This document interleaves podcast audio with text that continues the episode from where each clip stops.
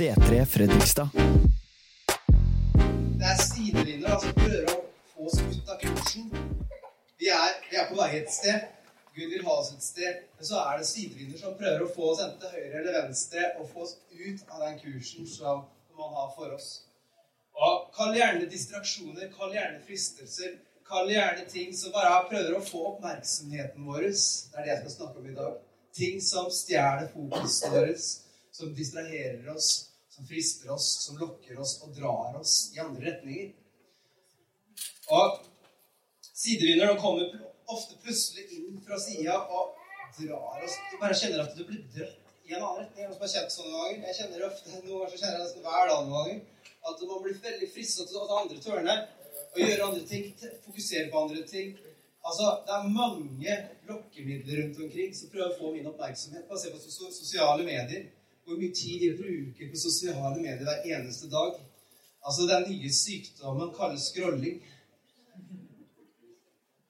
Vi bruker utallige timer. Hver uke så dere som har en iPhone, får en, får en liten rapport på hvor mye tid dere har brukt hver uke. Og så noen ganger står det at du har brukt to timer mer, eller du har brukt én time mindre. eller Det er ganske mye opprinnelig fra førsten av. Så det er liksom ikke så veldig deilig følelse når man får den rapporten alltid. Og det har med distraksjoner, ting som Vi er i et informasjonssamfunn. Vi blir fora med alternativer, med distraksjoner med bra ting, nødvendige ting. Veldig mange bra ting også som kommer inn i våre hverdager. Er det ikke det? Men summen av alt det her, det er sidevinder som ofte kan ta, dra oss vekk fra det som er kjernen av livet vårt. Og Derfor sender også vår fiende sidevinder for å distrahere oss, gjøre hjertet vårt delt. Halvveis han gjør oss mismodige, han gjør oss ufokuserte og forvirra i våre daglige valg og prioriteringer. For når du står opp om morgenen, så har du en, en, del valg å ta. Du har en del prioriteringer som du skal bruke tid på, bruke energi på, tenke på. Ting du skal gjøre, osv. Hver eneste dag er valg og prioriteringer, er det ikke det? Og det er veldig mange ting som kan gjøre oss både ufokuserte, mismodige og forvirra, sånn at vi frister til å velge andre ting istedenfor det som er viktigst. Og fiendens mål er at vi sjøl skal erstatte Jesus med andre ting som virker viktigere. Og der er vi alle. Vi, selv troende, selv kristne. Jeg tror det er her som er det mest prekære i våre liv. Distraksjonen i hverdagen vår. For vi vet jo hva som egentlig gjør det? Men allikevel så velger vi andre ting. Vi prioriterer andre ting. Vi tar andre valg. Og så lurer vi på hvor Gud er. Ikke sant? Og Djevelen trenger ikke alltid å overfalle oss han kan distrahere oss. Det er, et minst, det er enda bedre middel å bare distrahere oss. Det er ikke alltid han kommer sånn brølende så ah, nå skal jeg ta deg, liksom. Han sender heller en liten distraksjon inn som til syvende og sist får deg til å ta valg som kanskje leder deg vekk fra Jesus. Så steg for steg så tar vi valg som gjør at vi etter hvert lurer på hvor i all verden havner jeg opp her. Vi, vi, vi fòrer tanker hver eneste dag. Fra dag til dag så gir vi næring til nye tanker som får oss vekk fra det som egentlig er det viktigste for oss. Sosiale medier, spill, arbeid. Hvor mye oppgaver er det ikke får når du har unger? altså andres meninger, lokkende tilbud, penger, karriere, sex, utallige valgmuligheter hver eneste bidrag. Det er utrolig, utrolig mange ting som distraherer som tar fokus. Til og med veldig mange bra ting som tar vår fokus. Og akkurat der vi er i dag, så kan vi ta et valg om å ankre oss til Jesus. Selv når vi er distrahert, frustrert, forvirra, kanskje føler oss mismodige, at vi bør finne løsninger. Ja, men jeg bør ta en tur til Australia, for det er det jeg kjenner nå. Så neste uke så kjenner jeg at jeg, vet du hva, jeg må finne meg en kjæreste, for nå føler jeg ensom. Og så, så føler jeg det, og så du, du vet åssen det vingler. Er det noen som har det litt sånne ganger, at det vingler ganske ofte? Jeg Har jo noen lett distraherte mennesker her? Easily distracted. Jeg kan være sånn mange ganger sjøl. Jeg kjenner at jeg blir ofte veldig distrahert. For jeg bare Å, det er jo så viktig, så jeg må gå der retningen. Og så Å, så må jeg gjøre med det her. Så det er, man har et hode som hele tiden spinner. Jeg har et veldig kreativt hode, så jeg blir veldig fort fokusert på mange ting. Og spør kona mi hvor mange ideer og tanker jeg har i løpet av en uke. Det er ganske mange. Så det, for meg også så er det her en, en ting som Vet du hva? Det koster noe å ankre seg Jesus. For det er så mange bra ting som trengs å gjøres. Det er så mange nødvendige ting som trengs å gjøres. Det er så mange ting som trengs å fikses. Det er så mange ting som jeg må føle at jeg lever litt, jeg òg. Og så prøver man å ta gode nok mulige valg og prioriteringer. Men vet du hva? Søk først Guds rike og hans rettferdighet. Så skal du få alt det andre, det gode, det bra i tillegg. Det er noe med å søke første ting først. Og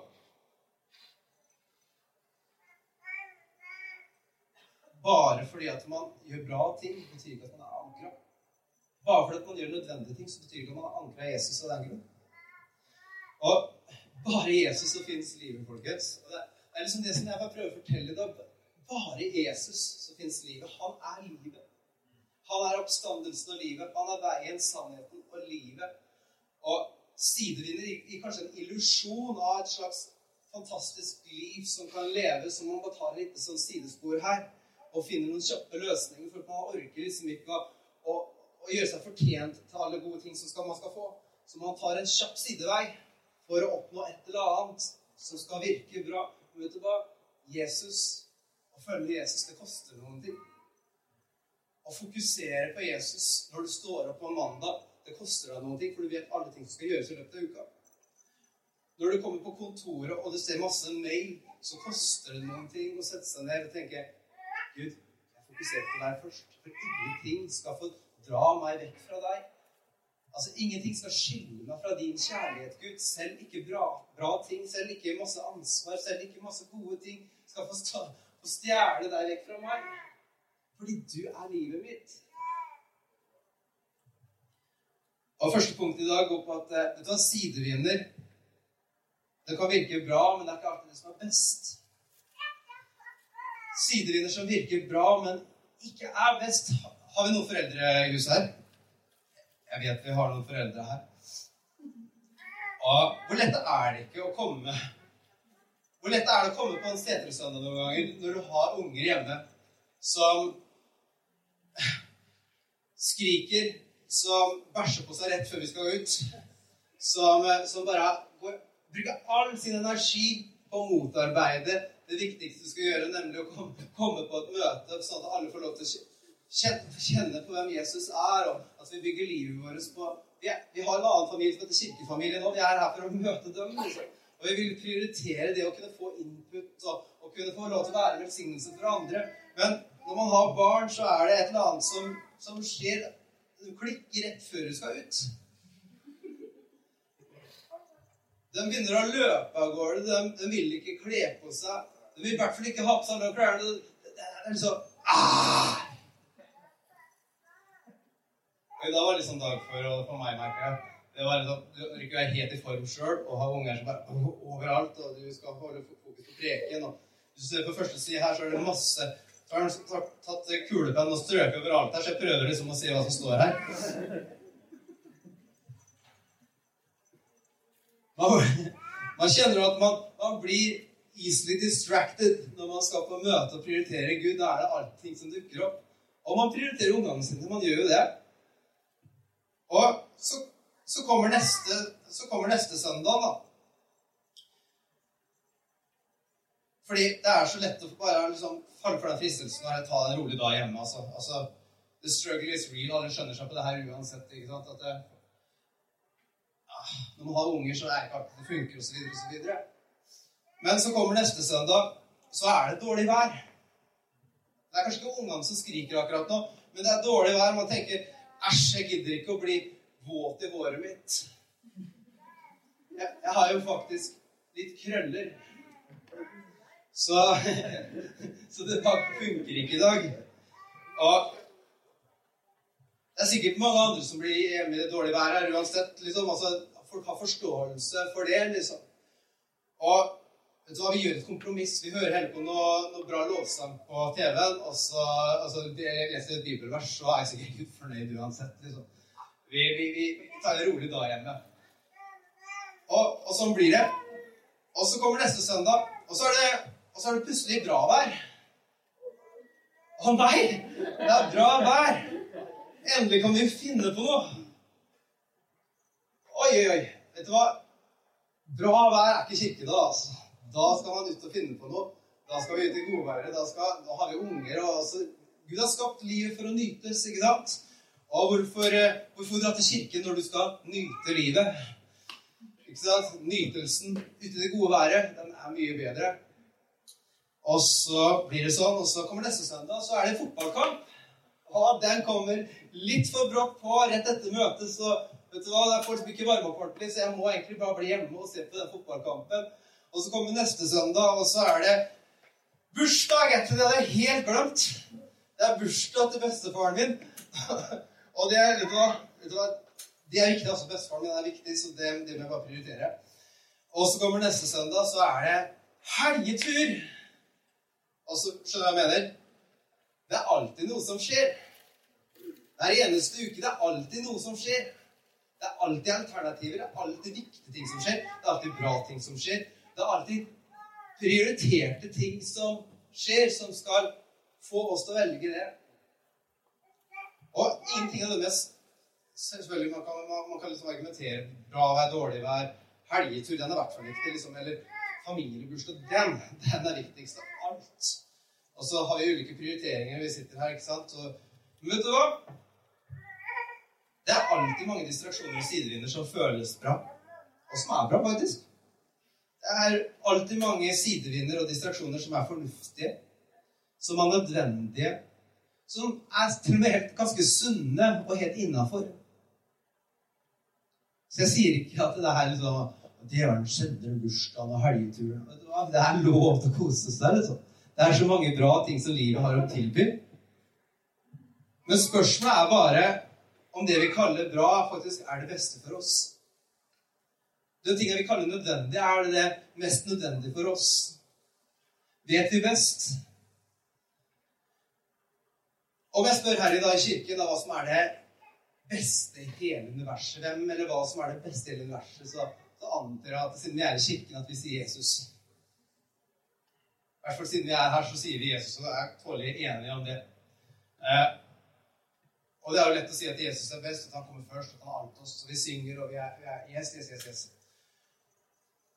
Men å velge å ankre seg til Jesus når noe bedre kommer på banen, når noe bedre føles litt bedre der og da så det koster noen ting å ankre seg når man ikke får gjøre akkurat det man føler for her og nå. Som er bra, som er nødvendig, og det er helt innafor på mange områder. Kom ikke her og snakk til meg om å prioritere, ikke prioritere familien min, liksom. Kom ikke her og snakk ikke, skjønner også, vi er, vi, er, vi er mennesker. Vi har prioriteringer som også Gud sier at vi skal prioritere. Men det er bare sånn at det, det er en ting som kommer overalt. Og det er relasjonen vår til Jesus. Det er en ting som kommer over alt og alle, og det er faktisk vår relasjon med Gud. For når vi prioriterer den, så vil også Han sørge for at det andre fungerer. Du vet, I Bibelen så står det ikke noe om balanse mellom tjeneste og familie, f.eks. Bare gå sjekk. Det står ikke noe om at du skal balansere familieliv og tjenesteliv og det her med å tjene Gud og hele pakka. For det er en selvfølge at når du velger Jesus, så fungerer, skal fungere familien også. Hvem er det Gud promoterer som ledere? Det er de som faktisk sørger for at familien sin følger Jesus og, og, og prioriterer familien sin. Men den viktigste måten å prioritere familien sin på, er å si Jesus først. Når man peker på Jesus først, så, faller, så vil du få det andre i tillegg. Det er masse kirker som snakker om at vi må balansere, vi må, vi må prøve Det står ikke så veldig mye om det der i Bibelen. Det står 'følg Jesus'. Følg meg. Forlat det andre og følg meg. Og så skal du se at det andre også kommer til å bli veldig bra. For Gud har en plan for ekteskap. Han har en plan for familie. Han har en plan for økonomi som er så mye bedre og større enn det vi kan klare å tenke og prioritere oss fram til. Jeg er stille her i dag, men det er fordi vi alle er litt easily distracted. Og jeg skjønner det. Det koster for meg altså, koster det noen ganger veldig mye å gå forbi den sjokoladen i butikken når du er veldig sulten og kjenner det søtsuget som bare det. Så koster det enormt mye å bare gå vekk, unngå den godtegreia, og så gå og kjøpe den der eple eller hva de skulle ha. Altså følge handlelista. Den er vanskelig noen ganger når du går i butikken og er skrubbsulten og er veldig søtsugen. Er det som, har vi noen flere som har? Ja. Vi er, vi er litt der. Og for meg så Når jeg ser en ny pakning på en eller annen ting, så blir jeg veldig Oi, hva er det her? Det må være noe nytt. Så jeg kjenner liksom at jeg blir dratt mot nye pakninger. Det er spesielt, men det er, og det er en frustrerende ting. Men sånn er det noen ganger. Og for dere som ser stygt på meg nå, så ja, beklager, jeg er menneske. Jeg er også easily distracted noen ganger, men jeg er sikker på at du har dine ting også. Så ikke se sånn på meg.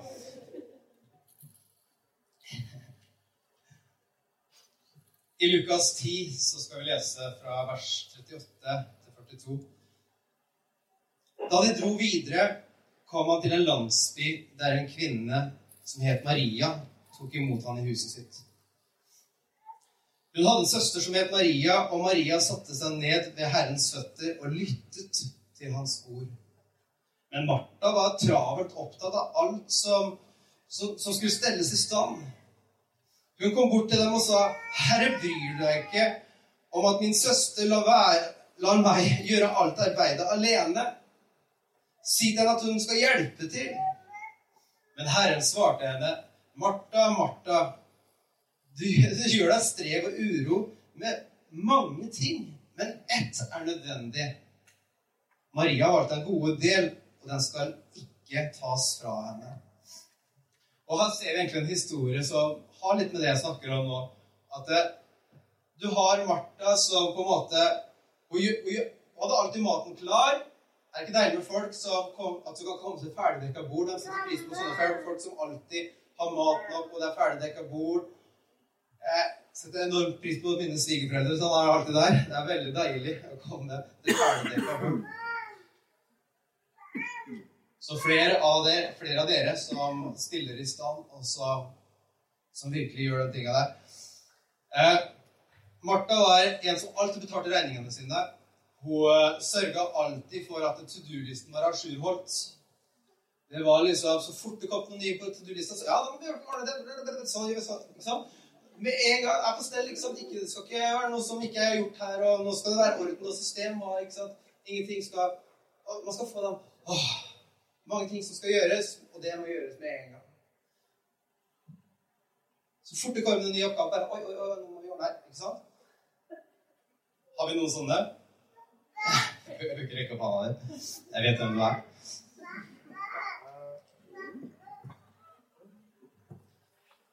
Og jeg vil bare si en ting. Takk Gud for Martha-mennesker som tar ansvar, som får ting gjort. Hva hadde vi vært som kirke uten Martha-mennesker? Som virkelig tar tak i ting, får ting gjort, og som sørger for at ting faktisk skjer. Det er ikke det Jesus, Jesus sier ikke at det, vet du hva, prøver ikke å skape en kirke fullt av surruer som bare går rundt og drømmer og liksom svever her oppe. At ting må gjøres. Det er, det er en det som er historien, at du ikke skal ta ansvar og gjøre bra ting og nødvendige ting. Men det bare står her at Men ett er nødvendig. Maria har valgt en gode del. Men ett er faktisk det. Du sier at det her, det her er nødvendig, og det er ganske nødvendig. Men vet du hva? Ett er nødvendig. Og det er den delen som Maria valgte. Nemlig å sette seg ned ved Jesus' føtter først. Tror du Jesus kom for å sitte og vente på at masse ting skulle gjøres, og se på to stykker som bare går rundt og ordner alt og henger opp bilde og retter på bilde og, og liksom sørger Vet du hva? Han kom for å ha fellesskap og relasjon. Det er derfor han kom hjem til dem. Han kom for å være sammen med dem.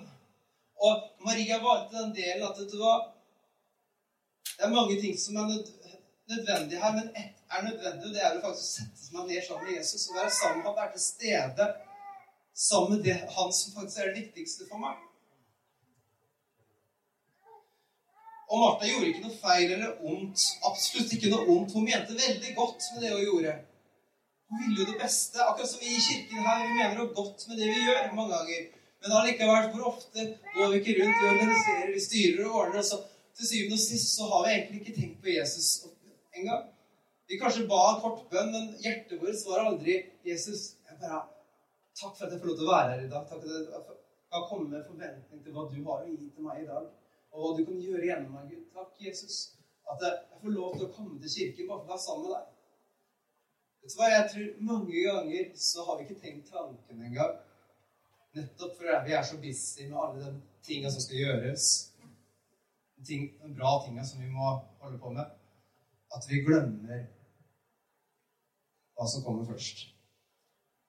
Er det flere som er enig med meg på det området?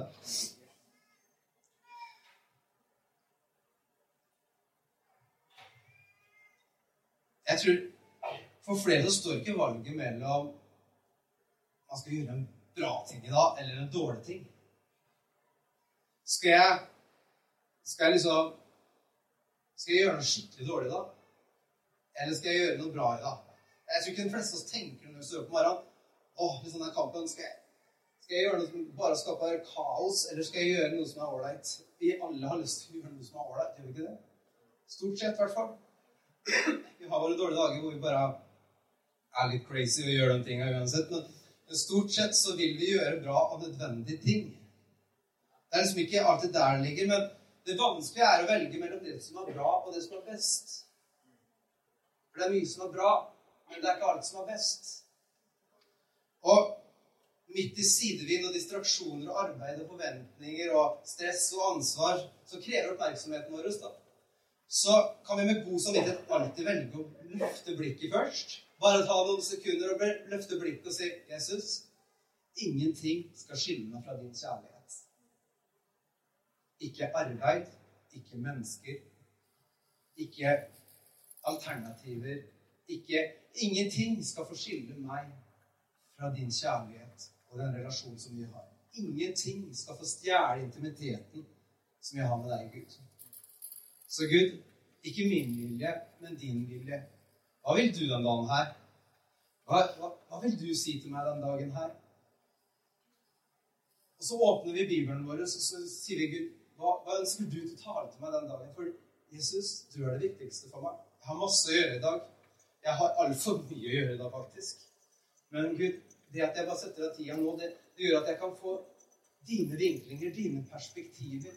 Istedenfor at jeg skal stresse meg gjennom dagen, så kan jeg få lov, Herre, til å ta, ta med deg inn i hverdagen min, så at du kan lede meg. For det er ikke alle ting som kommer på, som nødvendigvis er det beste. Så du må lede meg gjennom den dagen her. Bare en enkel bønn sånn som det der gjør at du får en oppmerksomhet vekk fra alle mailer, alt som skal gjøres, på Han som faktisk Du har sagt du skal få lede meg resten av livet. Du er veien, sannheten og livet. Jeg følger deg, Jesus. Og bare løfte blikket og se på Jesus og si Gud, jeg gir livet mitt til deg. Led meg. Det gjør noe med oss når det kommer mange alternativer som prøver å dra oss i ene retningen eller andre retningen. Er du fortsatt med? Det er veldig mye lyd, lyd her i dag blant folka. Men da, en liten amen, det er kjempebra, for det her er faktisk Guds ord. Amen. Sidevinder som drar deg vekk fra Jesus. Ene tingen er sidevinder som faktisk er ganske nødvendig og bra, men som ikke alltid er det beste. Men så finnes det også sidevinder som faktisk drar deg rett vekk fra, fra Gud. Og som faktisk er ganske destruktive. Og ofte kommer sidevinder brått på oss på når vi er mest sårbare. Har dere merket det? Når vi føler oss litt svake, litt off guard, og ikke orker å gjøre oss fortjent til en break i hverdagen. Vi vil bare ha et eller annet som kan fikse ting her og nå. Og da er vi veldig sårbare for de sidevindene som faktisk kan bli veldig ødeleggende for oss. Som kommer fra sidelinja, og som lokker oss, og som frister oss. I ordspråkene fem så står det i vers 3-9 Leppene til en fremmed kvinne drypper av honning, Munnen hennes er glattere enn olje. Men ettersmaken blir bitter som har lurt, kvass som et tveget sverd. Hennes fottrinn fører ned i døden. Skrittene hennes går rakt mot dødsriket. Hun baner seg ikke en vei som gir liv. Hun, hun er på villspor, men vet ikke. Og nå, hør på meg, mine sønner, vik ikke fra de ordene jeg taler. La veien din være langt borte fra henne. Kom ikke nær til hennes dør, ellers må du gi din kraft til andre, dine år, til en nådeløs herre.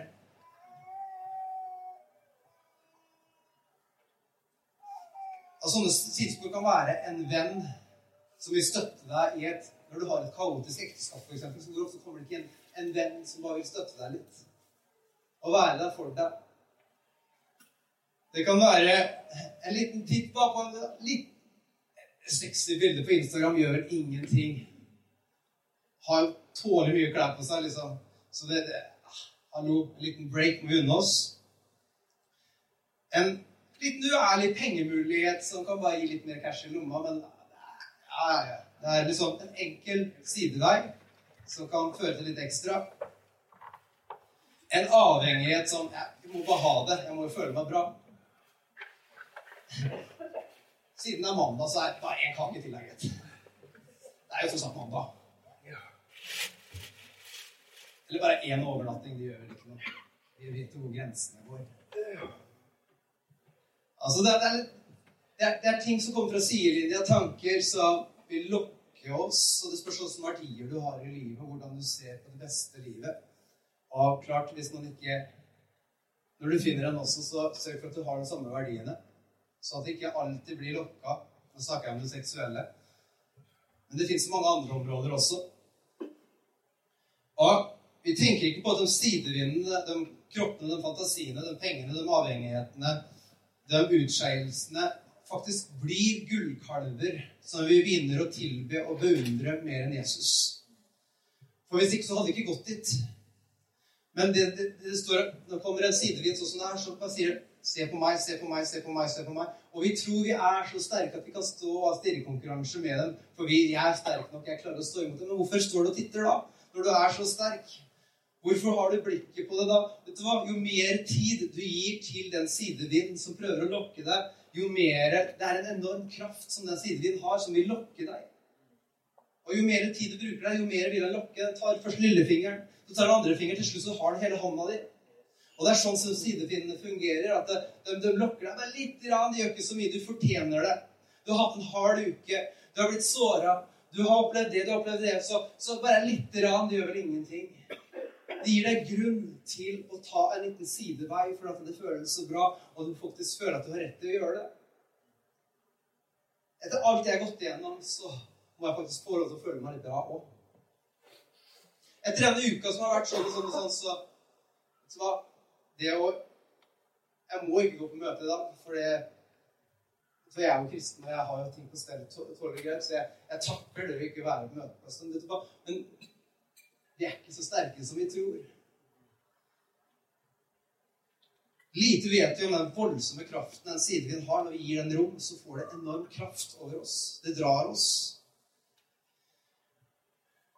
Lite vet vi om jo mer oppmerksomhet sidevind får, jo mer tid får den til å overtale oss om hvor mye vi trenger og fortjener å gå den side, sideveien her.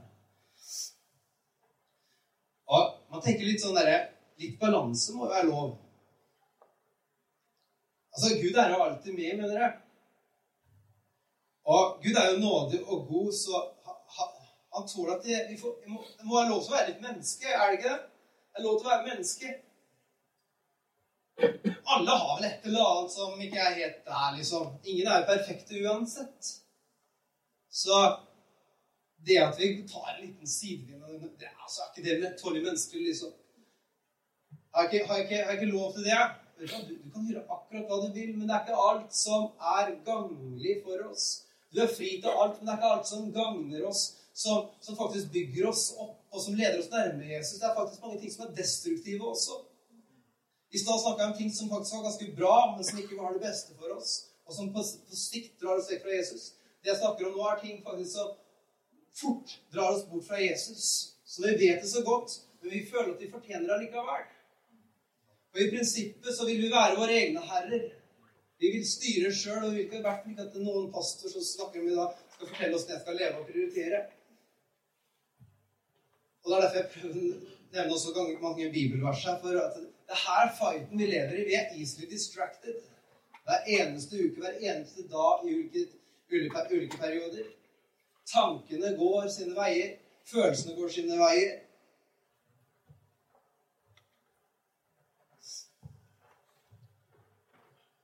Og ubevisst så begynner vi å ta steg etter steg, valg etter valg, vekk fra det som styrker oss, beskytter oss, og som er det mest dyrebare for oss, nemlig relasjonen med Jesus.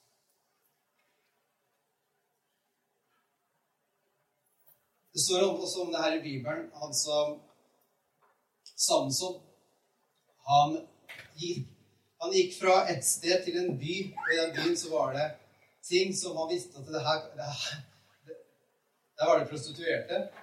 Og han følte at jeg, jeg må dit, for han hadde, et, han hadde et problem med det med damer og sånt. Så han tok jeg tror det var liksom 40 000-50 000 steg. Hele tiden tok han ett og ett steg nærmere det. Han var her ikke ennå, men han fortsatte å ta stega. Og den gode nyheten er at han når som helst kunne sagt til seg sjøl jeg bør ikke ta et steg til. Jeg kan faktisk komme meg tilbake igjen. Men fordi man hadde en indre motivasjon av noe som man trodde var bedre enn det Gud hadde sagt, så fortsatte man å gå. Man ble lokka, man ble dratt, og man tar steg for steg for steg for steg. Valg for valg for valg for valg. for valg. Og Jeg bare har en nyhet til alle dere som kanskje er midt i en prosess nå, og er på vei til et sted som ikke vil være det beste for deg. Vet du hva? Det er aldri for sent å vende tilbake til Jesus og ta stegene tilbake igjen. Det er aldri for sent å, å, å si 'Jesus, jeg har gått feil, men jeg vender meg om til deg igjen'. Det er aldri for sent, for det, det fins en kjærlighet som driver oss til omvendelse. Det er en kjærlighet som lokker oss tilbake igjen. Og det er Guds kjærlighet. Vi har fått kanskje en kjærlighet til verden, en kjærlighet til andre ting som vi føler er mer viktige, og som er bra for oss, og som forstår oss, osv., osv. Men det fins én som virkelig vet åssen du har det, og vet hva du trenger mest av alt. Og det er Jesus alltid. Noen ganger så tenker vi at Jesus forstår seg ikke på meg. Han svarer meg ikke. Han, han har ikke stilt opp for meg. Men vet du hva? Han kommer aldri for sent. Han vil aldri svikte deg. Han har alltid vært å ankre seg til. Selv når det kommer sidevinder som lokker som mest, og som prøver å få oss, og som tilbyr alt det beste, så finnes det en som er mye bedre. Grunnen til at vi går vekk fra Jesus, er for at vi ser ikke hvor god han er lenger. Vi ser ikke hvor fantastisk Jesus er, og hvorfor vi faktisk valgte å følge ham. Vi, vi, vi har fått, blitt forblinda av andre ting som har fått oppmerksomheten vår så mye mer. Det er akkurat som mennesker som, som går vekk fra hverandre. For man har mistet den første kjærligheten til hverandre. Og man, man vil ikke ta den fighten og gå tilbake og si vet du hva, jeg vil bare ha deg igjen. La oss begynne å ha samfunn med hverandre igjen. La oss være sammen. La oss prioritere hverandre igjen. Og sånn er det med Gud også. De blir distrahert. De får noe på å si. Som vi fokuserer på. som vi følger jeg, jeg, ja, jeg er jo veldig sterk. Jeg har koll på det her med Gud. altså Jeg har gudslivet mitt. jeg har alt det der, Men det er bare det at jeg bruker faktisk mer tid på å se på det og tenke på det. Fantasere, på, fantasere, fantasere rundt det. Sånn at det, i prinsippet så har du en sidevind som har mer kontroll over deg enn det faktisk Jesus har. Og det her er en mulighet for oss til å si Vet du hva? Jeg var ikke så sterk som jeg trodde. Derfor trenger jeg deg, Gud. Fordi at du skal ikke klare å vende deg om. Du skal ikke klare å elske Jesus. Du elsker Jesus for at han elska deg først. Og når du ser hvor høyt han elska deg, så klarer ikke noe annet enn å velge det beste. Når du ser hvor fantastisk den personen du gifter deg med, faktisk er igjen, og du begynner bare Wow! Så vil du ikke ha med andre. Du vil ikke ta et sidespor. Du vil ikke være utro. For at du igjen er påminnet om hvor fantastisk den personen er. Men jeg bare har gått så mye glipp av det. Vi har ikke vært sammen. Vi har ikke prioritert hverandre. Det er ganske alvorlig, det jeg snakker om, men det, vet du hva? det er, det er livet vårt. Det er alle tingene som fins i livet vårt hver eneste dag. Sidevinder, distraksjoner, fristelser osv. osv. Bare fordi at du har tatt steg, så trenger du ikke lenger å være et lett bytte for djevelen. Du trenger ikke å ta et steg til i denne retningen. Du kan, du kan komme tilbake til Jesus. Og det er ikke en lang vei. Det er et valg. Du trenger ikke å la djevelen få fortsette å stjele renheten din, stjele verdigheten og frimodigheten din og friheten din og gleden din og beskyttelsen som du har i Gud. Du trenger ikke å la han få ta det fra deg lenger. Han, han sier at det kommer til å bli så bra, men det har jo faktisk ikke gjort det. Du har en ufred inni hjertet. Du kjenner at det, det, det, er noe som ikke stemmer, men det føles oss fortsatt så bra, så vi fortsetter å gå likevel. Men du trenger bare komme tilbake og se hvem Jesus er igjen. Hvor god han er, hvor stor han er, og hvor høyt han elsker deg. Faktisk hvor vakker han er igjen. Kanskje bøye deg ned på kneet og bare si, 'Gud, vet du hva, jeg vender meg tilbake til deg. Jeg bøyer meg for deg.' Og jeg sier, 'Jesus, la oss ha samfunn igjen. La oss ha fellesskap igjen. La oss ha intimitet igjen.' For jeg har gått min egen vei. Jeg har fulgt sidesporene, men ikke nå lenger. Jeg vil ikke ta et eneste steg til. Det er du som er den som jeg vil følge. Det er du, du er den jeg faktisk elsker, for du har gitt meg alt. Du, du ga meg nåde når jeg var så ufortjent. Du ga meg hjelp når jeg ikke klarte det sjøl. Gud, jeg vil komme tilbake til deg, du som er kilden til liv.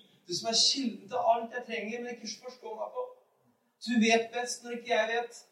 Når jeg tror jeg vet best, så vet du faktisk bedre. Du ser lenger, du ser høyere. Du har et annet perspektiv. Når jeg prøver å overleve, så sier du at jeg kan overvinne. Du, Jesus, du er veien, sannheten og livet. Jeg vil vende meg tilbake til deg. Jeg kaller meg kanskje kristen, jeg gjør kanskje de rette tinga, men mitt hjerte er borte fra ditt hjerte. Så jeg vil vende meg tilbake til deg igjen. Og det er det her som er budskapet i dag. Og det er ikke noe budskap hvor du skal prøve å fikse det nå. Liksom, nå skal jeg skjerpe meg. Nå skal jeg omprioritere ting. Nå skal ting bli bra igjen. Så hvor mange ganger har jeg ikke sagt sånn her til Gud? Vet du hva? Det skal aldri skje en Gud. Gud, nå altså. Nå altså. Akkurat som du skal fikse opp i det sjøl og tenke at vet du hva, nå skal jeg få det til. Viljen, viljesterk som jeg er. ikke sant? Vet du hva? Vi er, vi er mennesker som trenger Gud. Og når vi er svak, så er han sterk.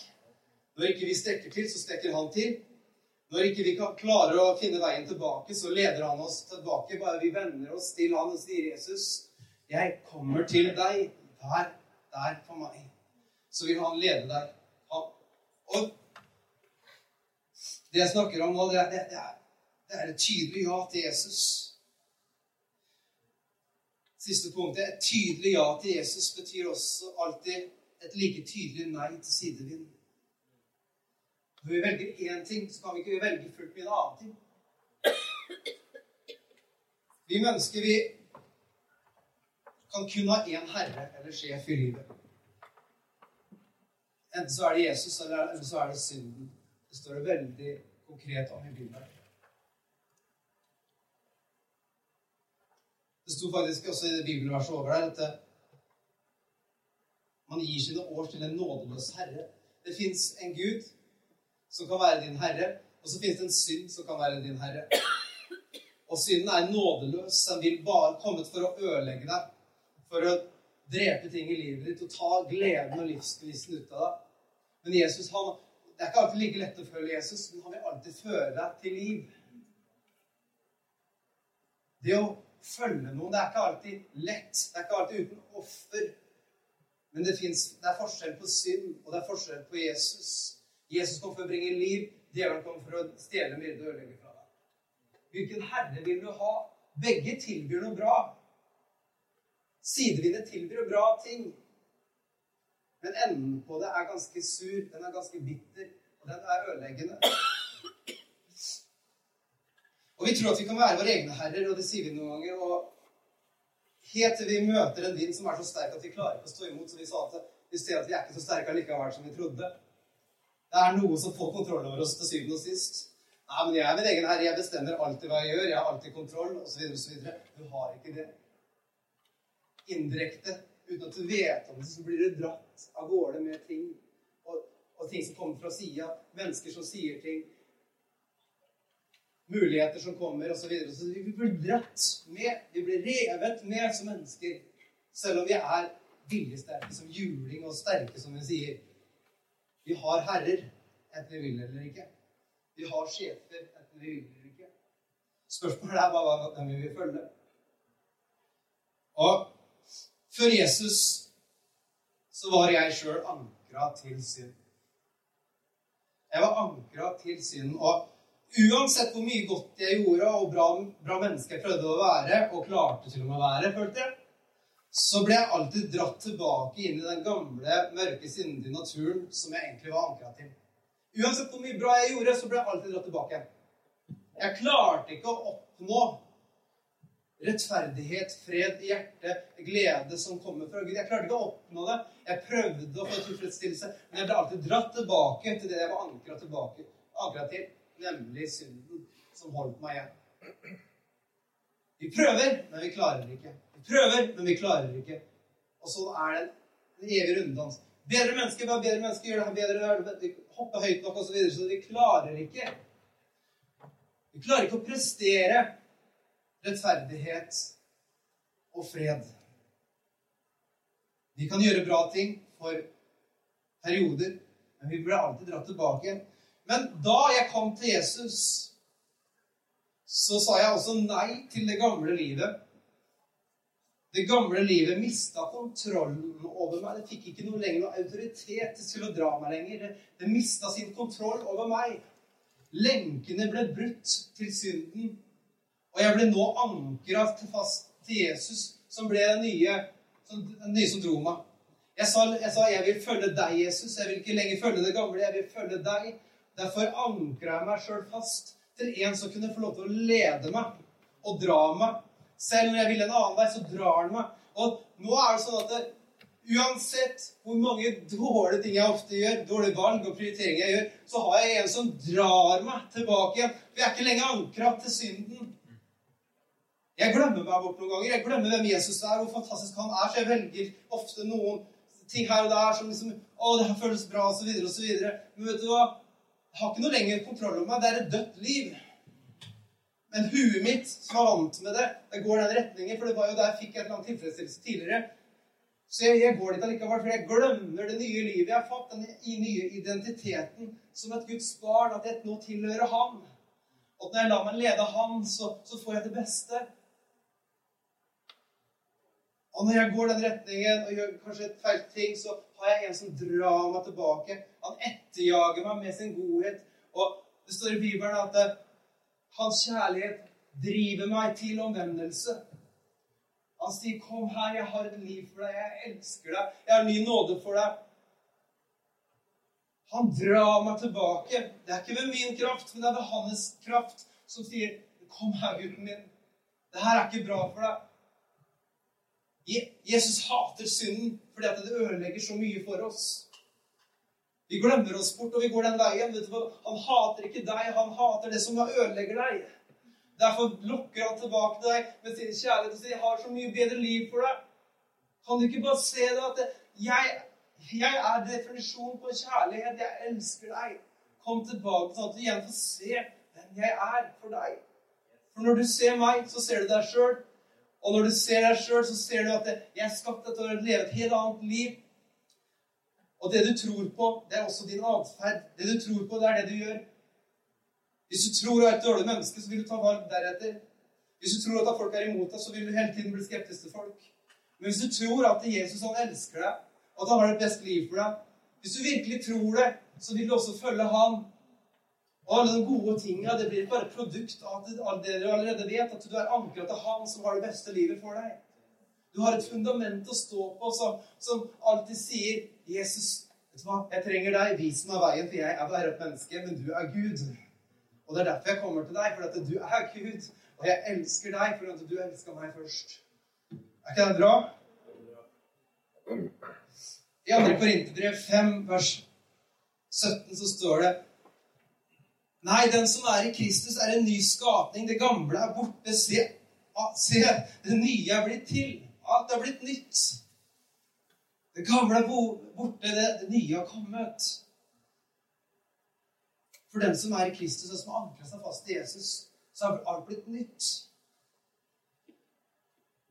Og det her glemmer vi ofte. Vi går tilbake til det gamle sidevindene som sier ja, men det her som du levde før, det var jo faktisk litt ålreit, var det ikke det? Vet du hva? Jo mer vi fokuserer på Jesus, er det vi gjør her som kirke. Vi vil peke på Jesus. Vi vil ikke peke på Vi prøver ikke å moralisere en gjeng med mennesker til å bli bedre mennesker. For vi vet at vi kommer til kort uansett. Hvorfor i all verden skal jeg bruke tida mi på å prøve å forandre alle andre mennesker? Når jeg ikke klarer omtrent å forandre meg sjøl engang, for jeg, vi har samme utgangspunkt. Men vi har én som vi kan komme til alle sammen, og som vi kan bli forma av og dratt inn i kjærligheten tilbake av. Vi har, vi har Jesus som er perfekt.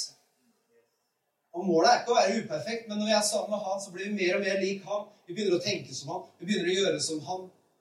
Vi blir lik dem vi er sammen med. Og Det er derfor det er viktig å komme tilbake til det som er viktigst, nemlig en relasjon med Jesus. Og ikke miste øya inn i andre ting som skal hele tiden catche oss. Til og med tjeneste kan bli en avgud for mange mennesker som tenker jeg skal gjøre det, jeg skal gjøre det. Alt handler om bare hva jeg skal gjøre for å føle meg egentlig bli bedre. Man bruker kristne ord på det. Man, man liksom bruker ulike land på det. Og 'jeg har den tjenesten, og jeg skal det, og jeg skal det og det'. Vet du hva? Til syvende og sist så handler det bare om at man er uankra i Han som faktisk har kontroll. For Hadde du vært ankra så hadde du du at det spiller ingen rolle hva jeg gjør. Det eneste jeg vil, er å følge deg, Jesus. Og før meg hvor du vil. Om jeg skal gjøre det, så er det greit. Om jeg skal gjøre det, så er det greit. Her så, mens heller så vi som kristne vi skal gå våre egne veier, så setter vi et Jesus-navn på det. Og så kaller vi det en profeti. Og så kaller vi det en drøm fra Gud. Men til syvende og sist så handler det bare om oss sjøl og vår egen vei. Og våre egne sidevinder som vi lar oss lokke av.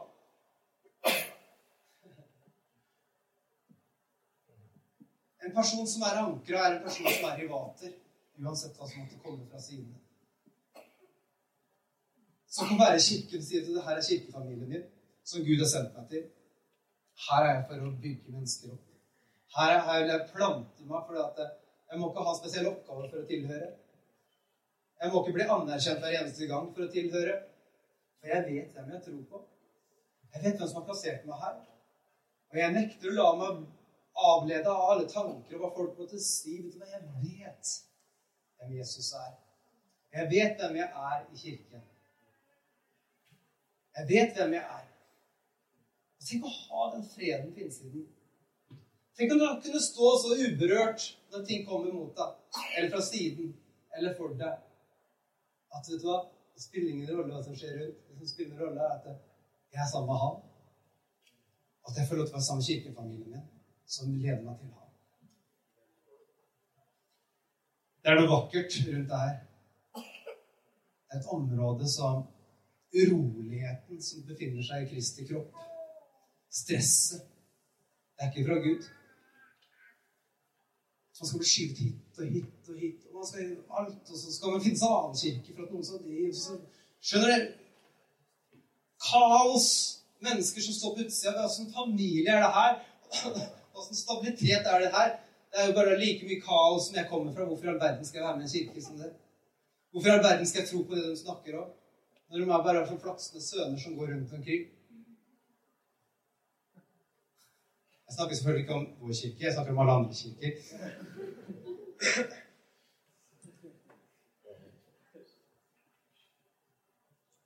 Dere skjønner hva jeg vil?